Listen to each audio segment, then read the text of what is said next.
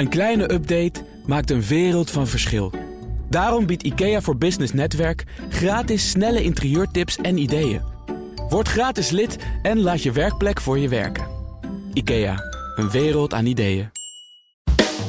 CMO Talk, de podcast. Marketing bekeken vanaf het hoogste niveau. Iedere maand verrassende en inspirerende gesprekken. Geleid door Klaas Wijma.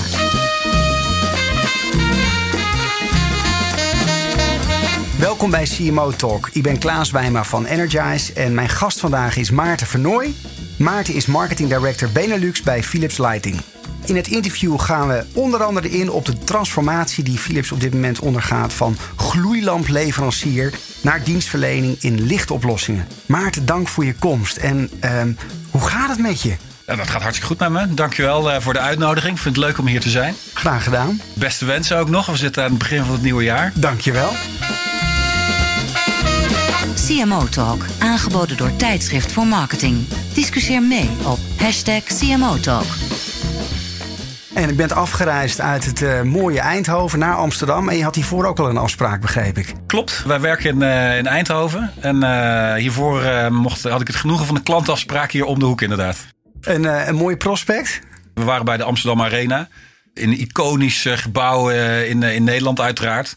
ze gaan verbouwen in aanloop naar het Europees kampioenschap 2020. Waar zij een van de speelsteden zijn.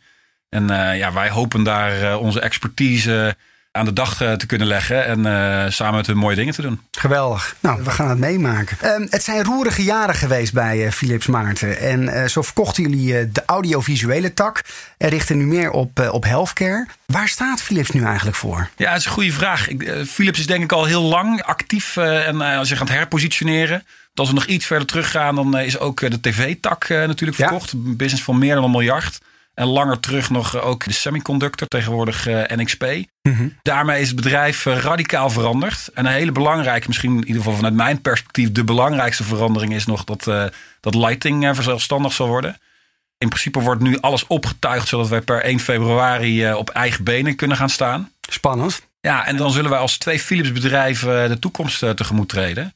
2016 wordt sowieso een heel uh, spannend en spectaculair jaar. Over de positionering. Philips, even voor de luisteraar, zal zich gaan richten op enerzijds health en anderzijds de lichte oplossingen. Ja, dat klopt. Maar het koninklijke Philips zoals we dat nu hebben, zal verder gaan als een bedrijf wat, eh, wat zich richt op het, uh, het servicen van het health continuum, zoals het zo mooi genoemd wordt. En daarnaast zal er een aparte tak ontstaan die zich specifiek richt op, uh, op lighting. Ja, beide bedrijven ze hebben nog steeds het, het, de missie zoals we die nu ook hebben van uh, Improving People's Lives Through Meaningful Innovation. Mm-hmm. We proberen het leven van 3 miljard mensen uh, te raken voor 2025. Dus daar trekken wij nog onveranderd uh, samen in op. Het zit ook in, in het hart van ons DNA, dus dat verandert niet. Nee. We blijven ook twee Philips bedrijven, maar wel twee aparte bedrijven. Dus dat is wel bijzonder. En, en dat wordt wel spannend, want als we het over marketing hebben, jullie staan aan de vooravond van die afsplitsing. wat voor effect heeft het op de branding voor Philips Lighting? Ja, ik denk heel bijzonder en ook wel uniek wat daar gaat gebeuren. Is, uh, we gaan dus als twee bedrijven samen een, uh, een brand uh, managen. Eigendom blijft bij Koninklijke Philips, maar we gaan samen de brand aansturen. Maar samen, maar ook apart. Dus ik als marketingverantwoordelijk voor lighting in de Benelux. Ja, we gaan proberen om specifiek voor lighting daar invulling aan te geven. Dus alles rondom het thema innovation and use, zoals we dat nu ook als tagline mm-hmm. hebben. Maar wel specifiek gericht op lighting in ons geval. Dus het gaat over uh, dat we meer licht, uh, dat mensen meer behoefte hebben aan meer licht, aan uh, steeds energiezuiniger licht, aan digitaal licht, connected lighting. Mm-hmm. Ja, wat daar alles bij komt kijken. Dus het is wel een kans ook om ons meer en meer nog als, als lighting te positioneren. Ja. Maar tegelijkertijd zal ons zusterbedrijf dat natuurlijk ook doen. Ja. Dus daar, dat is wel spannend, dat er niet conflict ontstaat. Dat je tegelijkertijd wellicht verschillende boodschappen Maar wat voor mogelijke conflicten zouden dan kunnen ontstaan? Koninklijke Philips heeft natuurlijk alle belang bij dat het imago van het brand meer opschuift richting het zorgdomein. Mm-hmm. Terwijl dat niet mijn belang is. Mijn belang is dat Philips vooral ook geassocieerd wordt met lighting. En hoe dat spel subtiel te spelen, met uiteraard in het belang van beide partijen. Ja, dat, dat is wel een heel fragiel proces, denk ik. En het is ook een proces waar we nog geen ervaring mee hebben. Dus daar, ja. daar, ja, daar zullen we ja, ook uh, met vallen en opstaan onze, onze weg in moeten vinden. Hoe ziet jouw team er trouwens uit? Om een beetje een beeld te krijgen. Ja, ik heb uh, een club van product marketeers. Mm-hmm. End-user marketeers. Die, dat, bijvoorbeeld die, die 100 grootste kantoren. Die daar specifieke marketing op bedrijven. channel marketeers, zowel B2B als, uh, als B2C. Ja. Een marketing communicatieteam. Mhm. Interne externe communicatieteam. We hebben nog een stuk marketing operations. Die uh, met name ervoor zorgen de wielen van de wagen blijven draaien. Ja. Grote club. En hoeveel mensen geef je leiding? Ja, dat is ongeveer 45 man. 45 man. Ja. ja. En dan hebben we het alleen specifiek over de Benelux. Correct. Van praktische tips tot visie. Dit is CMO Talk. Ik wil graag naar de eerste stelling. Ook een marketeer van Seth Godin.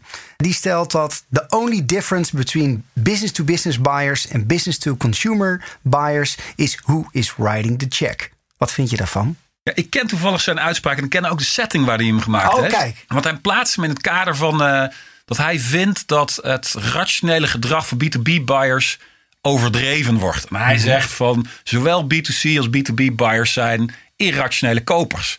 En daar ben ik het volledig met hem eens. Want uiteindelijk denk ik dat het uiteindelijk gaat over waar mensen denken dat ze de beste deal hebben. En of het nou in B2B of in B2C is, dat maakt niet zo heel veel uit.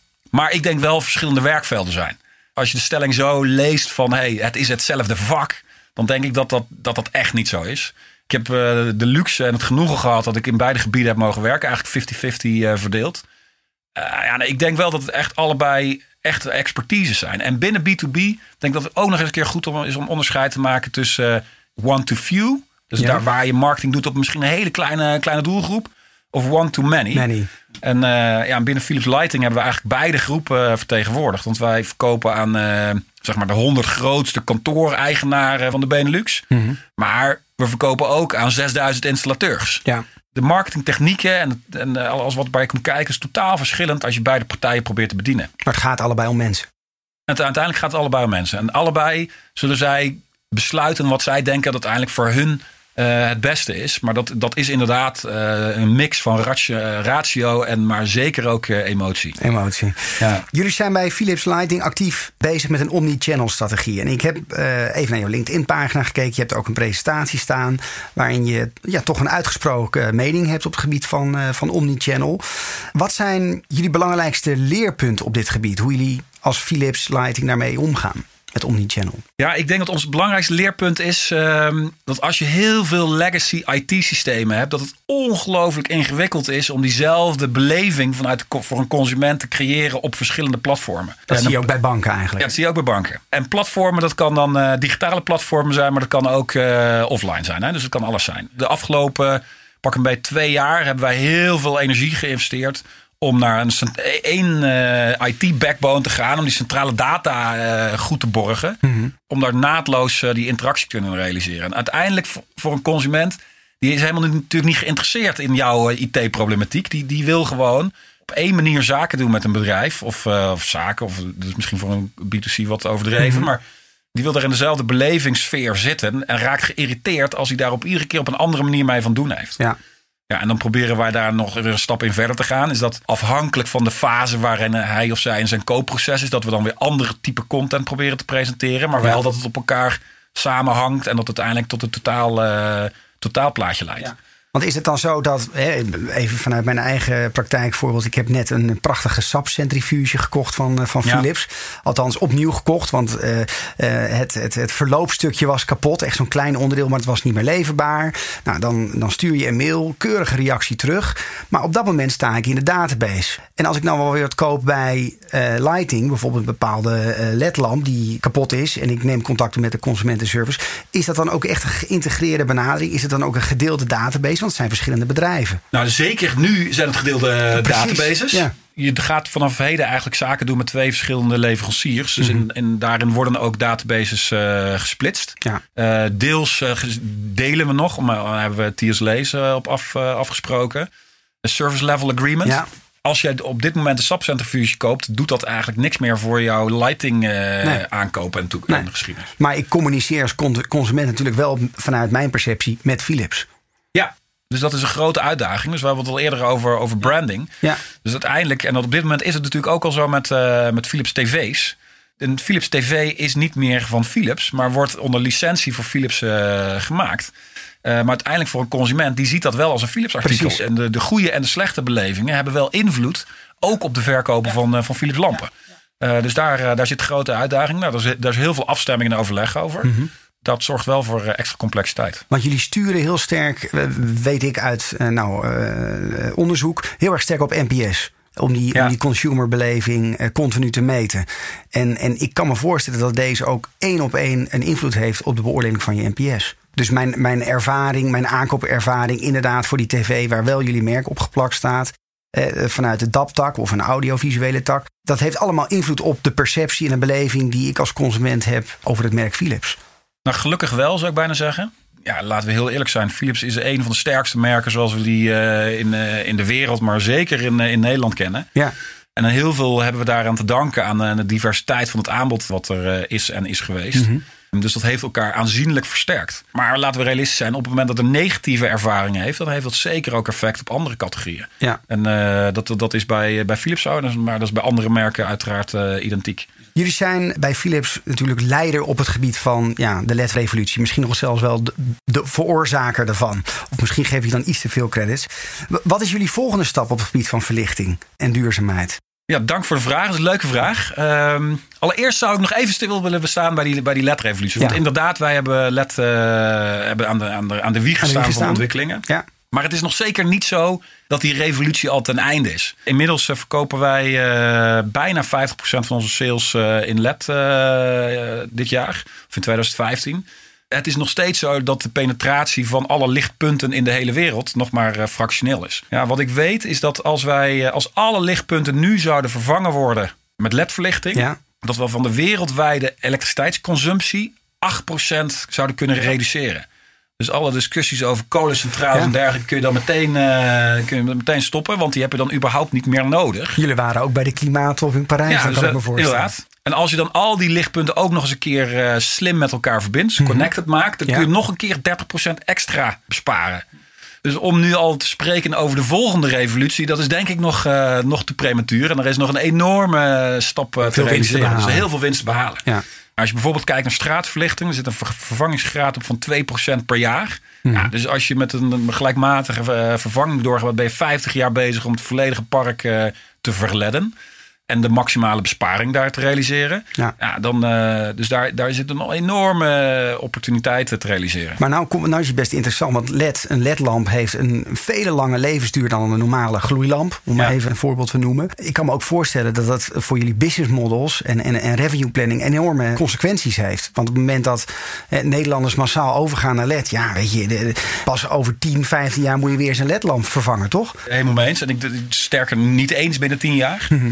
Eh, want in een huishouden kan die wel eh 30 jaar eh, meegaan. LED is een, eh, ja, is een prachtig iets voor ons, omdat we er nu heel veel toegevoegde waarde in kunnen realiseren. Ja. Maar, en we hebben het zelf eh, geïnnoveerd, op de markt gebracht. Maar uiteindelijk is het ook hetgeen wat het bedrijf van 125 jaar oud gewoon volledig de das om gaat Ja, doen. precies. Want als je eenmaal LED-verlichting hebt geïnstalleerd, in die, in die vorm ben je dan voor jaren klaar. Ja. Ik heb zelf ook vaak het vergelijk gemaakt bijvoorbeeld met Kodak. De transformatie die wij als bedrijf moeten maken is niet anders dan de transformatie die een bedrijf als Kodak had moeten maken en niet gemaakt heeft. Dus LED is fantastisch voor ons. Kunnen we, eh, kunnen we heel veel eh, inno- innovatie in kwijt. Kunnen we heel veel besparen op de, in de wereld. Zowel eh, op elektriciteit als gewoon op centjes. Eh, maar tegelijkertijd zorgt het ook voor de verplichting om alweer verder te denken Ja. aan naar wat het volgende is. Maar nog even terug naar, naar, naar LED en de, en, en de soort van ja, omzetcannibalisatie Mhm. die LED eigenlijk oplevert. En hoe gaat Philips dan verkopen dat jullie een, eh, ja, hetzelfde lot eh, tegemoet gaan als een Kodak? Dat is precies het, eigenlijk de, de volgende fase waar je in je eerste vraag al naar vroeg. Ja, Van wat is nou het volgende? Ja, wat wij nu zien is dat als gevolg van eh, digitaal licht, LED-verlichting, kun je met die verlichting kun je ook andere dingen doen. Dus een heel mooi voorbeeld bij het nieuwe hoofdkantoor van, eh, van Deloitte aan de Zuidas, de Edge, hebben wij een, eh, een lichtsysteem geïnstalleerd wat met internetkabels van voeding wordt voorzien. Dus geen eh, 220 volt meer, gewoon een eh, Cat 5 kabeltje. Ja. Maar wat dan bovendien heel interessant is, is als je daar sensoren aan hangt, omdat het verbonden is met het internet, kun je er allerlei andere dingen mee gaan doen zoals? aanwezigheidsdetectie, eh, lucht, eh, eh, luchtvochtigheid, Mhm. temperatuur. Je kunt er speakers in hangen. Je kunt, nou, je kunt, Oh, geweldig. Ja. je kunt er nog veel meer mee, dingen mee doen dan wat wij nu kunnen verzinnen. Ja. In feite kun je allerlei dingen met elkaar gaan koppelen. Uiteindelijk hebben we, zit de waarde van die lichtoplossing zit hem niet meer in het feit dat het licht geeft. Nee. De waarde zit hem erin dat het verbonden is met het internet en dat je er dingen mee kunt doen. Ja, en dat is eigenlijk de volgende wave waar we in zitten. Uh, als je het hebt over. Uh, Internet of Things, hè? Ja, dus, uh, dus, dus het gaat niet meer over, over gloeilampen, het gaat niet meer over ledlampen. Nee, het gaat over wat, datgene wat je ermee kunt gaan doen. Dat is uiteindelijk waar, waar, onze, waar de toekomst van ons als bedrijf zit. En dat is de, dat is de volgende wave van innovatie. Ja. En daar, daar zie je nu al allerlei proofpoints van. En, maar dat gaat nu echt in, in volle omvang beginnen. Van praktische tips tot visie. Dit is CMO Talk. Ik wil naar de volgende stelling. Samenwerken is de enige manier om te overleven in deze tijd van hyperinnovatie. Ja, ik ben het niet eens met de stelling. Want vooral omdat je zegt de enige manier. Ik mhm. denk wel dat het een manier is die wij als, als Philips eh, heel nadrukkelijk omarmen. Want het, het, is gebleken dat samen innoveren vaak tot meer eh, leidt dan dat als je het zelf doet. Ja. Maar ik denk dat er ook talloze voorbeelden zijn waarbij uh, geïsoleerd er innovatie plaatsvindt en die ook heel succesvol kan zijn. Maar ehm, ja, wij zoeken heel nadrukkelijk het pad van samen innoveren. En mhm. eigenlijk vlak voor uh, de kerstmedio december hebben we een aantal uh, samenwerksverbanden nog uh, geannounced. Dus onder andere in het meer consumentendomein met Smart Things van, van Samsung, met Logitech, met Bosch. Allemaal op het home systems, het domotica terrein voor, voor consumenten. En op meer het professionele domein eh, met eh, SAP en met Cisco. Ja. Waarbij we zowel in het uh, versteden en straatverlichting allerlei intelligentie leveren als, als in kantoren met Cisco. En kan je nog eens een concreet voorbeeld geven van die samenwerkingsverbanden die, die onlangs zijn aangekondigd? Je noemt Domotica, je noemt Logitech als merk. Kijk, wat wij wij realiseren ons terdege dat wij goed zijn in lighting, maar dat wij niet per, per definitie goed zijn in domotica voor een thuissituatie. Dus wij zoeken partijen Waarbij wij onze expertise over lighting op tafel kunnen leggen. Waarbij anderen er zijn die het totale ecosysteem samen met ons invullen. Ja. Dus we kiezen er heel nadrukkelijk voor om ons te richten op datgene waar we goed in zijn. Partners te zoeken om het totaal in te vullen. Dat is ook bijvoorbeeld met Apple en met Nest, die daar mm belangrijke partijen in zijn. Ja. Met wie uh, we een uh, officieel samenwerkingsverband hebben. Ja. Om daar samen in op te trekken. Maar jullie hebben ook een samenwerkingsverband met Eneco, toch? Dat klopt, met de toon. Ja. ja, en dan wordt die spannend. Nest is natuurlijk een grote concurrent van Toon. Ik zie het zelf uh, niet zo, moet ik bekennen. Want ja, zij zijn concurrenten. Maar uiteindelijk zullen zij ook zoeken naar datgene wat de meest toegevoegde waarde voor de consument oplevert. Mm En wij denken dat wij die meeste toegevoegde waarde op het gebied van lighting kunnen leveren. Verlichting. Ja. Dus werken we inderdaad met beide samen. Inderdaad, de toon is, uh, is de grootste slimme thermostaat van heel Europa. Daar zijn we veel, heel trots op dat we daarin uh, samenwerken. Ja. Advertising, bekend. Je noemt nu voorbeelden. Ik ken ze niet. Ja, goed, ik heb er natuurlijk ingelezen in het merk, in, in, in You. Maar uh, voorheen kende ik het niet. En voor mijn gevoel adverteert ja, Philips niet heel erg veel op de Nederlandse markt. Misschien mijn perceptie, maar niet heel erg zichtbaar. Waardoor ook die bekendheid achterloopt. Terwijl jullie vroeger op, op het digitale eh, domein echt heer en meester waren. En in Cannes wonnen jullie alle prijzen. Heb je hier een verklaring voor? Of is het my misperception, om maar zo te zeggen? Nou, ik denk dat er twee zijden aan deze medaille zitten. Dus enerzijds, het bedrijf is gewoon fundamenteel gewijzigd, veranderd. Ja. Uh, met de verkoop van tv en audio-video is het karakter van het bedrijf fundamenteel uh, gedraaid. dus dat heeft zeker ook impact op de manier waarop we adverteren en ons presenteren. Mm Anderzijds denk ik ook dat het gaat over ehm, wat is het doel van adverteren? Is dat uh, naamsbekendheid? Is dat awareness? Et cetera. Kijk, als ik kijk, naar, ja, als ik kijk naar lighting, we hebben een naamsbekendheid van 97% in Nederland. Dus puur voor de naamsbekendheid hoef ik niet te adverteren. Nee. En ik denk dat wij zonder dat wij niet heel hard adverteren, wel bijna dagelijks in het nieuws staan. Wat is je doel? Wat probeer je te bereiken? Wat is het je waard om het te bereiken? Een van de dingen waar we toch actief mee bezig zijn, is gewoon de return eh, on investment van iedere marketing euro die we inzetten. En uh, zeker op boven-the-line communicatie is daarin uh, niet altijd, of zeg ik nog vaak niet, de beste of de mhm. meest prefereerde route. Ook omdat het niet altijd te meten is. Ja, en, en welke, welke route heeft dan wel jouw voorkeur als je het hebt over ROI? Wat zijn dan wel technieken die je veel inzet? We doen heel veel online. Wat je ook als uh, boven de line zou mogen beschouwen. Maar dat kunnen ook uh, kleinere initiatieven zijn. Hè? Dus uh, samen met, met retailers initiatieven ontplooien. Wat, wat doe je dan met retailers? Kan je een voorbeeld noemen? Dat doen we zowel B2B als B2C. Met B2C is het al wat meer gewoon dan dat het in B2B is. Dus dat wij hebben, we zijn heel intensief gaan samenwerken met onze groothandelspartners. Mhm. Waarbij wij hun helpen om hun sites beter te maken. Waarbij we er uiteraard voor zorgen dat op die betere sites onze producten dan als beste staan en het beste converteren. En wie moet je dan denken? Mediamarkt, Boldel? Technische Unie. Ja. De, de grootste online verkoper van, uh, van Nederland waarschijnlijk. Mm Rexel, dat, dat soort partijen.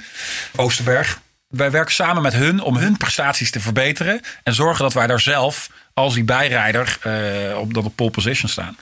Dus dat gaat dan niet zozeer over adverteren, maar dat gaat wel over converteren. Ja, en ja. uiteindelijk denk ik dat, daar, dat dat uiteindelijk het echte doel is. Ja, content is een, ook een duidelijke pijler in jullie eh, online communicatie. Als je het hebt over Ja. online, online advertising, online marketing. Eh, wa- wat, is, wat is nou jouw visie op het gebied van content? Dat je content moet proberen zo dynamisch mogelijk te maken. En dat het uiteindelijk gaat over de juiste content aanbieden op het juiste moment, zo geïndividualiseerd als mogelijk. Het juiste moment is dan volledig afhankelijk van in welke fase van een oriëntatie of koopproces iemand zit. Ja, hyper gepersonaliseerd. Tegenwoordig kan het. Dus moet het ook, want mensen verwachten het ook. Dus gaat het erom dat je daar zo flexibel mogelijk op in kunt spelen. En dat je daar die, de dialoog op zoekt in plaats van dat je alleen maar aan zenden bent. Heb je daar ook een, echt een eigen strategie voor ontwikkeld? Eigen content marketing strategie? Nou, daar zijn we wel actief mee bezig inderdaad. Hm. Een ander e- element wat het misschien nog te noemen, eh, vermelden waard is, is dat wij heel nadrukkelijk zoeken om ook om onze boodschap door anderen te laten vertellen. We Wij hebben het dan over word-of-mouth marketing. Daar bedoel ik eigenlijk de ambassadeurs mee van jouw producten. Dus, dus klanten, relaties, partners, eh, gebruikers. Die vanuit hun ervaring jouw product verkopen. Ik denk dat het eigenlijk het mooiste voorbeeld is het Rijksmuseum. Waar we Ja? ook eh, een eh, marketing award mee hebben gewonnen. Of meerdere zelfs. Waarbij eigenlijk het Rijksmuseum, Wim Pijbus, dat, dat hij het verhaal van Philips Lighting eigenlijk met zoveel passie overbracht.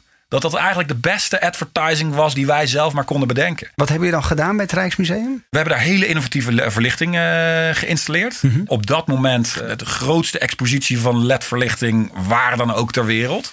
Voor het eerst dat een top tentoonstelling met LED werd aangelicht. De resultaten waren spectaculair. En de conservatorium van het, van het Rijksmuseum waren er dermate enthousiast over. Dat zij, ja, zij dat nieuws eigenlijk over de bühne gingen brengen. En hadden jullie dat gefaciliteerd vanuit marketing? Als je dan daar specifiek op doelt, hè, word of mouth, ambassadeurs die je inzet. Of ontstond dat gewoon? Omdat de kwaliteit goed was. Ik denk dat het een combinatie van beide is. Want als je kwaliteit niet goed is, dan kun je het niet creëren. Dus het was wel oprecht. Ja. Eh, maar we hebben dat zeker gefaciliteerd. Zowel door eh, platformen te- bieden. Als door ook die platformen dan eh, te, te vergroten. De, de aandacht daarvoor te geven. Als wel dat we ook content hebben aangereikt om in te gaan zetten en te En, verspreiden. en wat bedoel je dan met platformen die je dan hebt aangeboden? Films gemaakt die we verspreid hebben via YouTube, et cetera. Oké. En dan helpt natuurlijk een naam als een Rijksmuseum ook natuurlijk mee. Ja, Toch? zeker. Dat is zeker. natuurlijk fantastisch. Ander voorbeeld is, we hebben daar grote, grote pers-events georganiseerd rondom de opening van, van het Rijksmuseum.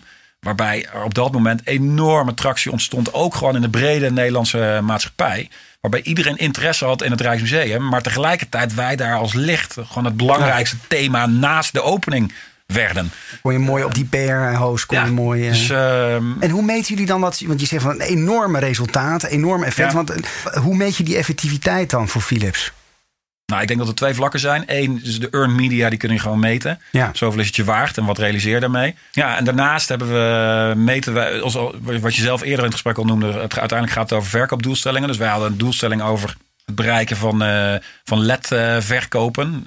En dan ook nog een keer in, eh, als onderdeel van eh, systemen. Dus niet alleen maar producten, maar als lichtoplossing. En ten derde, eh, ook al eerder in het gesprek naar voren gekomen, is NPS. En dan specifiek van een hele specifieke doelgroep. In dit geval eh, lichtadviseurs en architecten. Hoe die naar, naar Philips kijken. En daar hebben we het, Rijksmuseum voor gebruikt om, eh, om onze positie daar te versterken. Mooi. En, ja, en dat, dat was op dat moment heel succesvol. Maarten, stelling. Marketing moet een einde maken aan het onderscheid tussen off en online. Ja, mooie stelling. Ook hier ben ik het eigenlijk niet mee eens, moet ik eerlijk bekennen. Want ik denk juist dat marketing dat onderscheid er heel nadrukkelijk in moet houden. Dus uiteindelijk denk ik dat de consument dat verschil weg gaat nemen tussen Ja. online en offline. Want die consument die beweegt eh, alsof het hem niet uitmaakt. Ja. En wij als marketeers moeten daarmee omgaan dat het niet uitmaakt waar die zich bevindt. Aan de andere kant, de manier en de technieken die je toepast in online en offline, die zijn wel weer fundamenteel verschillend. Dus op het moment dat je overal hetzelfde gaat doen, ja, dan, eh, dan denk ik niet dat je het meeste, eh, meeste resultaat Maar wordt, haalt. wordt, niet, wordt niet alles online of, of digitaal in de, in de toekomst, als je het hebt over communicatie? Eh, Abri's zijn nu al helemaal compleet digitaal aangestuurd. Eh, je hebt nu al tv-reclame, dat kan al geauctioned worden. Mhm. Dus het- wordt allemaal volgens mij steeds meer digitaal. Nou, ik ben het er wel mee eens dat het steeds meer digitaal Ja, wordt. Maar ja. ik weet vrijwel zeker dat het nooit volledig digitaal wordt. Alleen al als je gaat naar gebruikservaring. Dat, dat is ook onderdeel natuurlijk van je hele customer journey. Eh, dat zal nooit online zijn. Dus jij bent voor de, het, het behouden van de silo's. Nee, offline. ik ben niet voor het behouden van de silo's. Want ik denk dat de silo's heel nadrukkelijk met elkaar moeten samenwerken. Mhm. Maar ik ben wel voor het behouden van specialisme. Dat je, dat je juist moet differentiëren over de kanalen waarin je actief bent. Ja. En ik denk dat je op beide expert moet zijn. En eh, op het moment dat jij eh, shopfloor activatie doet, dat is totaal iets anders dan op het moment dat je online conversie aan het optimaliseren Ja. bent. Dus als je het hebt binnen je marketingafdeling, heb je dan echt nog wel online specialisten zitten? En traditionele marketeers, maak je daarin het onderscheid? Of vind je dat de marketeer die kennis, die beide kanalen, om het maar even zo te noemen, in zich moet hebben? In mijn team hebben we eigenlijk beide gedaan. Dus we hebben enerzijds hebben we de- alle digitale skills van het hele team naar een hoger niveau getrokken. Daar zijn we de afgelopen pakken bij drie jaar heel actief mee bezig geweest. We zitten, daar hebben we ook allerlei mensen getraind die misschien niet iedere dag eh, met eh, allerlei online activiteiten bezig zijn. Maar we vonden het belangrijk en ik vind het belangrijk om dat niveau steeds hoger en hoger te trekken. Daarnaast hebben we ook nog steeds digital eh, specialisten. Eh, waarbij ik wel denk dat op termijn dat het onderscheid stil, steeds kleiner zal worden. In een slideshare-presentatie, daar is hij weer, ehm, onderschreef je ook het belang van data. Ook stel je dat 82% van de marketeers geen geïntegreerd beeld hebben van klantdata. Hoe zorg je dat jouw team dat inzicht wel hebt? Ja. Hoe maak je het verschil? Nou, laat ik beginnen met te zeggen dat wij zeker ook tot die 82% behoren die dat inzicht niet hebben. Dat is eerlijk. Maar het is wel dat we er ons bewust van zijn dat we Ja. dat niet hebben. En ik denk dat bij veel organisaties daar, dat bewustzijn misschien ook nog wel aan ontbreekt. We zijn diverse activiteiten ont ontplooien om dat inzicht beter te krijgen. Mhm. Dus bijvoorbeeld, we werken eraan dat eh, als een accountmanager naar een klant gaat, dat hij weet dat een, eh, wanneer zijn klant voor het laatst onze website heeft bezocht. Maar op dit moment is dat nog niet zo. Dus op dit moment zwemmen al die klanten over onze site. Ja. En die doen dingen, maar dat weet de accountmanager niet. Nou, en ik denk dat, dat dat voorbeelden zijn waarbij eh, ja, dat eigenlijk een soort van basis is die je wel op orde moet hebben om effectief eh, zaken te doen. Dus een van de dingen die wij hebben gedaan is dat wij met Salesforce.com eh, samenwerken. Dat wij eh, een hele brede implementatie van hun eh, oplossing hebben doorgevoerd. En eigenlijk dat als backbone gebruiken om die klantdata eh, beter op orde te krijgen. Maar daar zijn nog heel veel stappen in te zetten om daar heel veel beter in te worden. En met name ook heel veel effectiever. Helder. Nou, je gaf al aan, 2016 is net begonnen. En dan wil ik, ja, dat is altijd weer het jaar, begin van het jaar, de lijstjes, voorspellingen. Wat is jouw eh, belangrijkste voorspelling eh, als marketeer voor 2016? Ja, mooie vraag. En eind van het jaar ga ik je ga ik Ga je me eraan houden. Ja. nou, ik denk dat er heel veel technologische ontwikkelingen zullen zijn. Maar ik zou eigenlijk een ander voorbeeld willen aanhalen. Want ik denk dat, eh, dat duurzaamheid eh, als marketingthema steeds nadrukkelijker eh, zal gaan spelen. Eh, alleen al getriggerd vanwege het feit dat ik gisteren moest betalen voor een plastic tasje. Ja. We hebben de klimaatconferentie in Parijs gehad met hele uitdagende commitments van overheden en bedrijven. Ehm, dus daar gaan we meer en meer van zien. En daar liggen enorme kansen ook, denk ik, als marketeer om te pakken. En bovendien is het een thema wat natuurlijk ons als een jasje, een jasje past. Ja. Dus wij zijn, eh, we hebben dit jaar een, een propositie gelanceerd eh, op circulair economisch eh, gedachtegoed, circular lighting. Waarbij wij eigenaar blijven van de verlichting die we dan vermarkten. En die we dan aan het einde van de gebruiksduur bij die klant weer retour nemen. En nieuwe levenscyclus brengen bij andere klanten. Ja, en op dit moment hebben we dat een aantal keer succesvol toegepast. Maar ik zie gewoon dat, dat hier heel veel tractie in de markt op is. Ja, Er komt eindelijk. steeds meer, ja, eindelijk misschien wel. Er komt steeds meer vraag naar. Er komt steeds meer eh, dat mensen daarmee aan, het- aan het spelen zijn. Van hey, wat zou het voor mij kunnen betekenen? Hoe kan ik het toepassen? Wat kan ik ermee? Eh, en ook hoe kan ik dat dan vervolgens weer in mijn eigen marketingpropositie toepassen? Ja, dus als er één thema is wat ik denk, los even van alle technologische ontwikkelingen, Ja. waarvan ik denk dat wij als marketeers daar meer mee kunnen. Die duurzaamheid, dat is iets wat er in de markt al speelt. Het gaat beter met de economie. Klimaatconferentie erbovenop. Ja, ik, ik zie dit als een hotspot waarin, eh, waarin veel mogelijk is. Ik wil je hartelijk bedanken, Maarten, voor eh, het geweldige interview. En luisteraars, eh, dank voor het luisteren naar deze CMO Talk. Mocht je nou meer inspiratie willen opdoen, dan kan dat op cmotalk.nl. En heb je vragen, stuur mij een mailtje naar klaas.energize.nl of via Twitter, hashtag CMO Talk. Nogmaals, Maarten, dankjewel en tot het volgende interview. Dank voor het luisteren naar de CMO Talk podcast. Ga voor meer afleveringen naar cmotalk.nl. CMO Talk wordt aangeboden door Tijdschrift voor Marketing en is ontwikkeld door Energize en voicebooking.com.